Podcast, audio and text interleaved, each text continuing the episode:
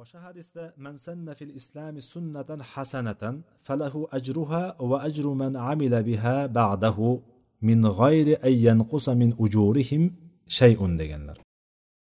Ya'ni kim islomda bir yaxshi sunnatni yo'lga qo'yadigan bo'lsa ko'ryapsizlarmi bu yerda sanna fil islami sunnatan hasana biz sunnat degan paytimizda hali pastda islohiy ma'nosini tushunamiz. Payg'ambarimiz qilgan ishlarini tushunamiz. Payg'ambarimiz sallallohu alayhi vasallam aytgan qilgan va yonida qilingan paytda indamagan bo'lsa mana shu narsalarni biz sunnat deb bilamiz. Lekin hadisda kelayotgan sunnat bu lug'aviy ma'nosida kelyapti. Ya'ni payg'ambar sallallohu alayhi vasallamdan boshqa hech bir kishini qilgan ishi hatto sahobalarni qilgan ishi ham sunnat hisoblanmaydi sunnat deyilmaydi. Lekin bu yerda sunnatni lug'aviy ma'nosini tushuntirmoqchi bo'lyapti muallif va mana shu hadisni dalil qilib ko'rsatyapti. Mana shu yuqoridagi bitta hadis undan keyingi hadisni. Ikkita hadisni ya'ni. Islomda kim bir yaxshi yo'lni yo'lga qo'yadigan bo'lsa deb tarjima qilamiz buni. Bir yaxshi yo'lni paydo qiladigan bo'lsa bir yaxshi yo'lni ochadigan bo'lsa bir yaxshi yo'lni boshlab beradigan bo'lsa falahu ajruha va ajru man amila ba'daha min g'ayri ayyan qusa min ujurihim shay'un. Unga o'sha sunnatni bir o'sha yaxshi amalni qilganligi uchun unga ajr bor va xuddi shuningdek kimdir undan ko'rib turib o'sha yaxshi amalni qiladigan bo'lsa undan keyin ularni ham ajri kamaytirilmasdan bunga ham xuddi o'zlariga beradigan ajr beriladi. Ya'ni ularni ham ajri kamaytirilmaydi va bunga qo'shimcha ular olganchalik ajr beriladi. Deb turib payg'ambarimiz sallallohu alayhi vasallam aytganlar va buni qarshiligi hadis davomida ومن سن في الإسلام سنة سيئة كان عليه وزرها ووزر من عمل بها من بعده من غير أن ينقص من أوزارهم شيء ya'ni kim dinda islomda bir yomon yo'lni yo'lga qo'yadigan bo'lsa bir yomon yo'lni boshlab beradigan bo'lsa unga o'sha qilgan yo'lini o'sha yo'lda o'sha ishni qilganligi uchun boshlab berganligi uchun birinchi o'ziga gunohi bo'ladi o'sha ishni gunohini oladi. Orqasidan bo'lsa kim o'sha gunohni qilgan bo'lsa undan ko'rib kim qilgan bo'lsa o'shalarni gunohidan hech narsa kamaytirilmasdan bunga ham o'shancha gunoh yoziladi. Shuning uchun odatlarda ham birontasiga bir narsa o'rgatishlikda ham ya'ni inson yurgan yo'lida demak solih amal qilishlikka harakat qilib yurishlik kerakki sizdan ko'rib solih amalni o'rgansin kichkinalar. Yoki sizga taqlid qiladiganlar solih amallarni taqlid qilsin. Siz ba'zi bir o'zingizdagi e, yomon odatlaringiz bo'ladigan bo'lsa hatto o'quvchilaringiz bo'ladigan bo'lsa yoki farzandlaringiz bo'ladigan bo'lsa o'sha farzandlarga va o'quvchilarga sizdagi yomon xislatlar hech qaysi kamaymasdan hammasi o'tadi. Shuni yaxshi bilaylik. Bolalarimizdagi qiliqlar bolalarimizdagi odatlar yo bizdan yo maktabdagi o'qituvchisidan yoki bironta bir ustozga berib o'qitayotgan bo'lsa o'shandan o'tadi. Shuning uchun undan bunga bundan bunga o'tkazib har bir ustozlarga berayotgan bolalar tarbiyasida tarbiyani t harfi ham qolmaydi desak qo'pol qilib aytadigan bo'lsak mubolag'a bo'lmaydi. Shuning uchun biz o'zimiz uni xulqidan amin bo'lganimiz o'shani xulqiga biz ko'nglimiz xotirjam bo'lgan dinli diyonatli xudojo'y insonlarga berishimiz kerak farzandlarimiz tarbiyaga berayotgan bo'lsak yoki qur'on hatto qur'on o'qitayotgan bo'lsak ham xuddi shunday. Yoki biron bir ana olaylik diniy ilmlarni qo'yib turib bir ingliz tili o'rgatayotgan bo'lsak ham xuddi shunday. Arab tili o'rgatayotgan bo'lsak ham xuddi shunday. Chunki bu narsa o'tadi insonga. Va xossatan mana shu tarbiyachi vazifasida turgan ayollar yoki ustozlar o'qituvchilar domlalar mana bular ehtiyot bo'lishlik kerak bolalarni yonida demak har xil e, harakatlarda yoki qiliqlarni yoki bir yomon ishlarni qilmaslikka harakat qilishlik kerakki birinchidan o'shan bilan agar gunoh qiladigan bo'lsa birinchidan o'ziga gunoh bo'ladi. Undan keyin o'rganayotganlar bo'ladigan bo'lsa undan demak o'rganayotganlarni gunohi ham yetib turadi. Mana bundan demak biz ehtiyot bo'lishligimiz kerak. Demak bu yerdan ko'zlanayotgan maqsad hadisdagi sunnat ma'nosidan bu yerda biz bilganimiz sunnat emas lug'aviy ma'nosidagi yo'l ma'nosi kelyapti.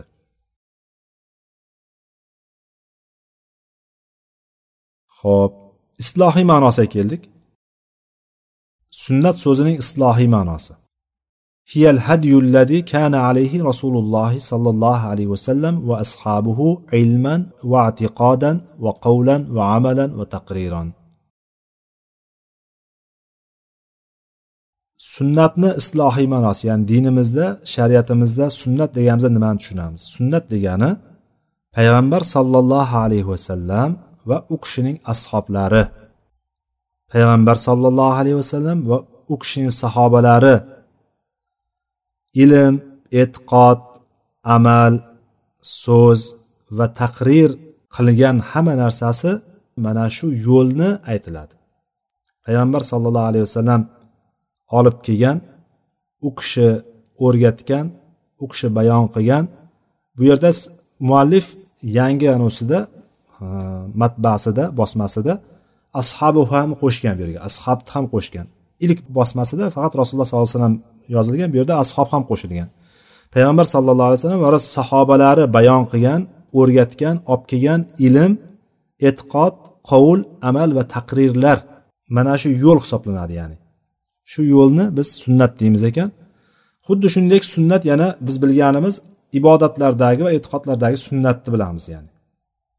Ya'ni namozni e, deylik boshida takbir takbirda aytgandan keyin sanoni o'qiymiz. Sano duosi biz bilgan subhanakani o'qiymiz. O'sha subhanakani sunnat deymiz namozni sunnati deymiz misol. Yoki namozni namozlari haqida gapiradigan paytimizda namozlarni farz namozlar bor va sunnat namozlar bor deymiz a xuddi shunday sunnat so'zi bunga ham ishlatiladi. Ibodatlardagi va e'tiqodlardagi sunnatlarga ham ishlatiladi. Va yuqorida aytganimizdek payg'ambar sollallohu alayhi vasallamni olib kelgan din umumiy ma'noda din tushuniladi. Mana shu yo'l payg'ambar sallallohu alayhi vasallamni yo'llari. Din tushuniladi. E'tiqod bo'lsin qovul amal bo'lsin hammasi kirib ketadi. Taqrirni boya ham aytdik. Taqrir degani iqror bo'lishlik degani o'shanga rozi bo'lishlik degani. Yoningizda bir amal qilinadi. O'sha amalga indamaysiz. Ya'ni bu indamaganligingiz siz o'shandan rozi bo'lganligingiz hisoblanadi. Odamlar insonlar payg'ambarlar mustasno bundan har qanday inson har qancha taqvoli bo'lsin har qancha dinda mustahkam bo'lsin har qancha olim bo'lsin ba'zi bir o'rinlarda ba'zi bir narsalarni aytolmay qolishligi mumkin. Aytolmay qolishligi mumkin. Ba'zan unisini rioya qiladi ba'zan bunisini rioya qiladi ba'zan boyligini ba'zan mansabini ba'zan unisini ba'zan bunisini deganday ba'zan yaqinlarini deganday qandaydir bir zaif nuqtasi bo'ladiki yoki bir jamoat bo'ladi hammani yonida aytolmay qoladi. Har xullas har xil vaziyat bo'ladi o'sha vaziyatlarda aytolmay qolishligi mumkin illo payg'ambarlar unday emas. Payg'ambarlar alloh taolo payg'ambarlarga shunaqa bir xususiyatni berdiki ular qayerda bir munkar amalni ko'radigan bo'lsa noto'g'ri qilinayotgan ishni ko'radigan bo'lsa o'sha zahoti javobini berganlar o'sha zahoti uni qaytarganlar. Mana shuning uchun payg'ambar sollallohu alayhi vasallamni yonida qilingan ishlar payg'ambarimiz sollallohu alayhi vasallam indamagan bo'lsalar yoki jilmayib qo'ygan bo'lsalar yoki sizlar yeyaveringlar men yemayman chunki men sizlar gaplashmaydigan inson bilan men gaplashaman sizlar gaplashmaydigan zot bilan ya'ni farishtalar bilan men gaplashaman deb turib aytgan narsalar bular hammasi taqririy sunnatlarga kiradi. Ya'ni payg'ambarimiz yonida qilinsa indanilmadi hech kim indamadi degan mana shu taqririy sunnatlar hisoblanadi. Sunnatni ziddi sunnatni ziddida bidat turadi. Sunnatni ziddida bidat turadi. Ya'ni dinda yuqorida aytganimizdek din mukammal keldi. Endi dinda biron bir narsani qo'shaman degan kishi biron bir narsani olib tashlashdan farqi yo'q. Dinga biron bir narsani qo'shayotgan kishi olib tashlashlik bilan farqi yo'q. Ya'ni bu bilan biz bidat haqida gaplashganimizda gapi oldin ham aytgandik boshqa joylarda. Bidatni qilayotgan kishi bir qancha narsalarga ta'na qilgan bo'ladi. Eng birinchi o'rinda allohga ta'na qilgan bo'ladi. Olloh dinini mukammal qilmagan men mukammal qilyapman deganday bo'ladi. Bu birinchisi bo'lsa undan keyingisi payg'ambar sollallohu alayhi vasallam xiyonat qilgan dinga degan gapni gapirgan bo'ladi. U tili bilan aytmayotgan bo'lsa ham o'zini holat tili bilan qilayotgan ishi bilan bu narsani ko'rsatayotgan bo'ladi. Chunki din mukammal olib kelindi. Ya'ni men buni bilaman payg'ambar buni aytmagan lekin men buni bilardim deb turib qilayotgan kishi nima qilayotgan bo'ladi? Payg'ambar sallallohu alayhi vasallam buni yashirib ketgan buni yetkazmasdan ketgan men buni endi o'rgandim deb aytayotgan kishi mana shunday katta katta bir jur'atlarga yo'l qo'yayotgan bo'ladi. Dinda ushlashligimiz kerak bo'lgan masalan e'tiqodda eng birinchi ushlashligimiz kerak bo'lgan narsa allohga yakka allohga ibodat qilishlik ixlos bilan ibodat qilishlik bo'lsa uni ziddida shirk tursa e'tiqodda uni ziddida shirk turadigan bo'lsa amallarga keladigan bo'lsak amallarda sunnatni ushlashligimiz kerak sunnatni ziddida bidatdan ehtiyot bo'lishligimiz kerak chunki bidat qildikmi bitta bidatni qildikmi albatta uni orqasidan bitta katta zarar ko'rishimiz aniq payg'ambarimiz sollallohu alayhi vasallam aytdilarki فإنه من يعش منكم بعدي فسيرى اختلافا كثيرا فعليكم بسنتي وسنة الخلفاء المهديين الراشدين dedilar Bu hadis sunan abu davudda kelgan ekan sahih hadis. Payg'ambarimiz sallallohu alayhi vasallam sizlardan kimda kim mendan keyin yashaydigan bo'lsa ko'p ixtiloflarni ko'radi dedilar. Mendan keyin yashagan kishi ko'p ixtiloflarni ko'radi dedilar. O'sha paytda ixtiloflar chiqqan paytda mening sunnatimni va to'g'ri yo'lda bo'lgan roshid xalifalarimni yo'lini ushlasin dedilar. Hamma ijmo qilgan xulofai roshidlar kimlar?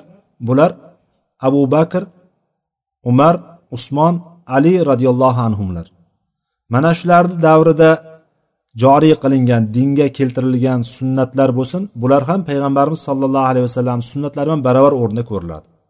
Shuning uchun qur'onni jamlashlikda olimlar bunga bir narsa demaganlar. Sahobalar o'sha paytda bu qur'on jamlanyapti payg'ambarimiz sollallohu alayhi vasallam davrida jamlanmagan. Nimaga sizlar jamlanyapsizlar deb turib sahobalar aksariyati tirik edi o'sha payt katta sahobalar. Ular inkor qilishmadi uni tasdiq qilishdi balki. Yoki umar roziyallohu anhu tarovih namozini joriy qildi. Tarovih namozini jamoat bilan o'qishlikni joriy qildi. Hech kim qarshi chiqmadi. Yoki usmon roziyallohu anhu namozga juma kundagi namozga yana bitta azon qo'shdi. Hech kim inkor qilmadi. Chunki bular hammasi nima ular bilishardiki xulofai roshidinlar qilgan amallar ham asli bor narsadan olgan ular osmondan olmagan. Shuning uchun payg'ambarimiz sollallohu alayhi vasallam ularni ham sunnatlarini ushlashlikka bizga targ'ib qilib ketdilar. O'shalarni sunnatlarini mahkam ushlanglar. Mening sunnatimni va xulofai roshidinlarda to'g'ri yo'lga hidoyatlangan xulofa xalifalarimni sunnatlarini mahkam ushlanglar. Fitna davrida dedilar. Demak yuqoridagi muallifni gapi rasululloh va sahobalarni olib kelgan ilm amal so'z taqrirlarida bo'lgan yo'li deb ketdi. Sunnatni mana shunday ta'rifladi. Sahobalarni nimaga qo'shdi? Sahobalarni qo'shganligini sababi mana bu hadisda payg'ambarimiz sallallohu alayhi vasallam meni va mening xalifalarimni roshid bo'lgan hidoyatlangan to'g'ri yo'lga yo'llab qo'yilgan xalifalarim sunnatlarini mahkam ushlanglardan chiqarib muallif u yerga bir matn keltirdi. Sunnatda qisqacha tushundik endi jamoat ma'nosi jamoat degan so'zi jamoat bilganimiz to'planishlik jamlanishlik so'zidan olingan buni ziddi tarqoqlik. Ya'ni bir o'rtaga jamlanishlikni jamoat deyiladi. Odamlarni ko'p soni bir oraga kelib turadigan bo'lsa bu ham jamoat deyiladi. Shuning uchun namozdagi jamoat bor. Yo bo'lmasam ba'zi bir narsalarni qilishlikka bir maqsadni amalga oshirishlikka bir yig'ilgan odamlar guruhini ham jamoat deyiladi. Bitta ishni qilishlikka yig'ilgan jamoat ham odamlar guruhi ham o'shani ham jamoat deyiladi. Shuning uchun uch kishi bir safarga ketayotgan bo'lsa uch kishi ham jamoat hisoblanadi. Shuning uchun uch kishi bo'ladigan bo'lsa ishlardan bittasini o'zlariga boshliq qilib olishlikka payg'ambarimiz sallallohu alayhi vasallam targ'ib qilganlar. Ya'ni uch kishi bo'lsa ham jamoat bo'ladi hamma har xil fikr unisi unday bunisi bunday bittasi dam olamiz desa bittasi dam olmaymiz bittamiz choy ichamiz desa bittamiz ovqat yeymiz desa bu bilan yo'ldagi safarni asosiy ko'zlangan maqsadlarini qo'ldan boy berilishligi uchun bir kishi boshliq qilinadi o'sha aytgani qilinadi. Ya'ni bundan ko'rinyaptiki qisqacha qilib aytgan paytimizda jamoat deganda odamlarni bir maqsad ustida to'planishligi yoki odamlarni umumiy e, umumiy yig'ilishiga demak jamoat deyiladi. Istilohda qo'llanilishligi qanday? Ya'ni istilohda dinimizda jamoat deganimizda islom ummati tushuniladi. Ya'ni hamma narsani jamoati bor lekin biz dinda jamoat degan paytimizda ahli sunna val jamoa degan paytimizda har doim tushunamizki bu islom ummatini tushunamiz. Alloh taoloning kitobi ya'ni qur'on va payg'ambarimiz sollallohu alayhi vasallamni sunnati ustida birlashgan o'shani ustida jamlangan kishilarni biz nima deymiz? Jamoat deymiz. Ularga boshlanishi payg'ambar sallallohu alayhi vasallam sahobalar tobeinlar va qiyomat kunigacha iymon bilan ergashgan hamma kishilar shuni ichiga kirib ketadi. Lekin bir tarafi bor. Biz hozir aytdik qur'on va sunnat dedik. Qur'onni sunnatdan ajratuvchilar musulmon jamoatidan chiqib qolish ehtimoli katta. Va payg'ambar sollallohu alayhi vasallamni sahobalarini o'yindan chiqarayotganlar. Bugungi kundagi sahobalarni so'kayotgan masalan shiyat rofizalarni oladigan bo'lsak ularni ham olimlar biroz ehtiyot bo'lib to'xtashadi ularni kufrda deyishga ehtiyot bo'lishadi. Lekin qisqa qilib aytadigan bo'lsak ahli sunna va jamoadan emas ular. Ahli sunna va jamoa emas ular. Shiyalar ahli sunna va jamoa emas. Chunki ular kitob ya'ni qur'on va sunnat ustida sunnatda jamlanmayapti sunnatda bir kelmayapti. Bizni ular bilan ajratib turadigan o'rtamizdagi katta jarlik mana shu kitob va sunnat. Ular kitobni ham o'zlaricha qur'onni ham o'zlaricha tushunib olish o'zlaricha tavil qilib o'zlaricha tushunishadi va payg'ambar sallallohu alayhi vasallam sunnatlarini hammasini otib yuborishadi. Sahobalarni aksariyatini aksariyatiga tuhmatlar bilan bo'xtonlar bilan muomala qilishadi. Oyatda alloh taolo aytadiki vatasimu bihablillahi jamia va la tafarraqu deydi. Barchangiz allohning dinini mahkam ushlanglar va tarqalib ketmanglar. Hablulloh bu yerdagi habl allohning arqoni allohning dini bu ya'ni shariati. Allohning shariatini mahkam ushlab ya'ni shariatni ustida bo'linglar shariatga amal qilinglar. Hammalaring birgalikda deyapti. Alohida alohida emas jamian so'zi bor bu yerda. Mana shu jamoat degani mana shu. Va tarqoq bo'lishlikdan qaytardi. Alloh taolo aytdiki vala tafarraqu dedi. Bu oli imron surasini bir yuz uchinchi oyat. Undan keyingi oyatda vala takunu kalladina tafarraqu vaxtalafu min ba'di ma ja'ahumul bayyinat va ulaika lahum azabun azim dedi. Ya'ni ochiq oydin xabarlar kelgandan keyin bayyinot ya'ni sizlarga ularga ochiq oydin bayyinotlar ya'ni din xabarlari ochiq kelgandan keyin ham tarqalib ixtilofga tushib ketgan kimsalar kabi bo'lmanglar dedi alloh taolo. Ularga o'shalarga o'xshamanglar dedi. Bu oli imron surasini bir yuz beshinchi oyat ya'ni alloh taolo mo'minlarni birlashib bitta ummat bo'lishlikka bitta jamoat bir tan bir jon bir yoqadan bosh chiqarishlikka chaqirdi va orqasidan ixtilofga tushishlikdan va tarqalib ketishlikdan bir biri bilan talashib tortishlikdan alloh taolo qaytardi. Payg'ambarimiz sollallohu alayhi vasallam aytdilarki inna hadihil milla sataftariqu ala salasin va sab'ina. Sintani va sab'una finnar va vahidatun fil janna va hiyal jamaa dedilar. Abu dovudni sunanlarida kelyapti ekan bu hadis. Mening ummatim dedilar bu millat dedilar. Ya'ni bu ummat bu millatdan bu ummatni tushunamiz ya'ni bu millatdan yoki islom millatini tushunamiz boshqacha qilib aytadigan bo'lsak bu islom millati yetmish uchga bo'linib ketadi yetmish uchga bo'linib ketadi boyagi hadisni boshqa ko'rinishi yetmish uchga bo'linib ketadi shundan yetmish ikkitasi do'zaxdadir bittasi esa jannatda dedilar yetmish ikkitasi do'zaxda bittasi o'sha bittasigina jannatda va u ham bo'lsa jamoatdir dedilar u ham bo'lsa jamoatdir dedilar boshqa hadisda alaykum bil jamoa va iyyakum val furqa wahidi va huwa min al isnayn ab'ad va man arada buhbuhatal jannati falyalzamil jamoa boshqa bir hadisda payg'ambarimiz sollallohu alayhi vasallam aytdilarki jamoatni mahkam ushlanglar. Jamoatdan ayrilmanglar va tarqoq bo'lishlikdan ehtiyot bo'linglar. Tarqoq bo'lishlikdan uzoq turinglar. Firqa firqaga bo'linib ketishlikdan uzoq yuringlar. Chunki shayton bir kishi bilan birgadir.